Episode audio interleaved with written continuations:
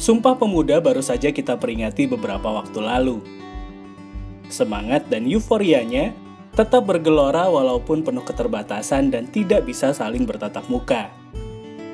Krisis ekonomi dan kesehatan menjadi tantangan terbesar bagi pemuda masa kini.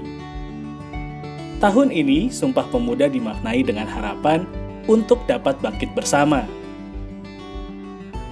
Seorang tokoh negeri ini sempat mempertanyakan apa sumbangsi generasi millennials untuk bangsa?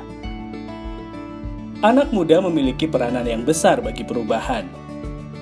Sikap kritis dan semangatnya menjadi kekuatan untuk menciptakan sebuah inovasi. Sebagai penerus bangsa, millennials sadar betul tentang arti pentingnya pendidikan. Dengan bekal ilmu yang dimiliki, mereka berpotensi melahirkan karya hebat untuk mengharumkan bangsa.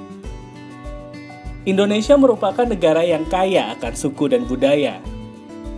Dengan semangat kolaborasi, pemuda masa kini berhasil menunjukkan persatuan walaupun tidak harus bertatap muka.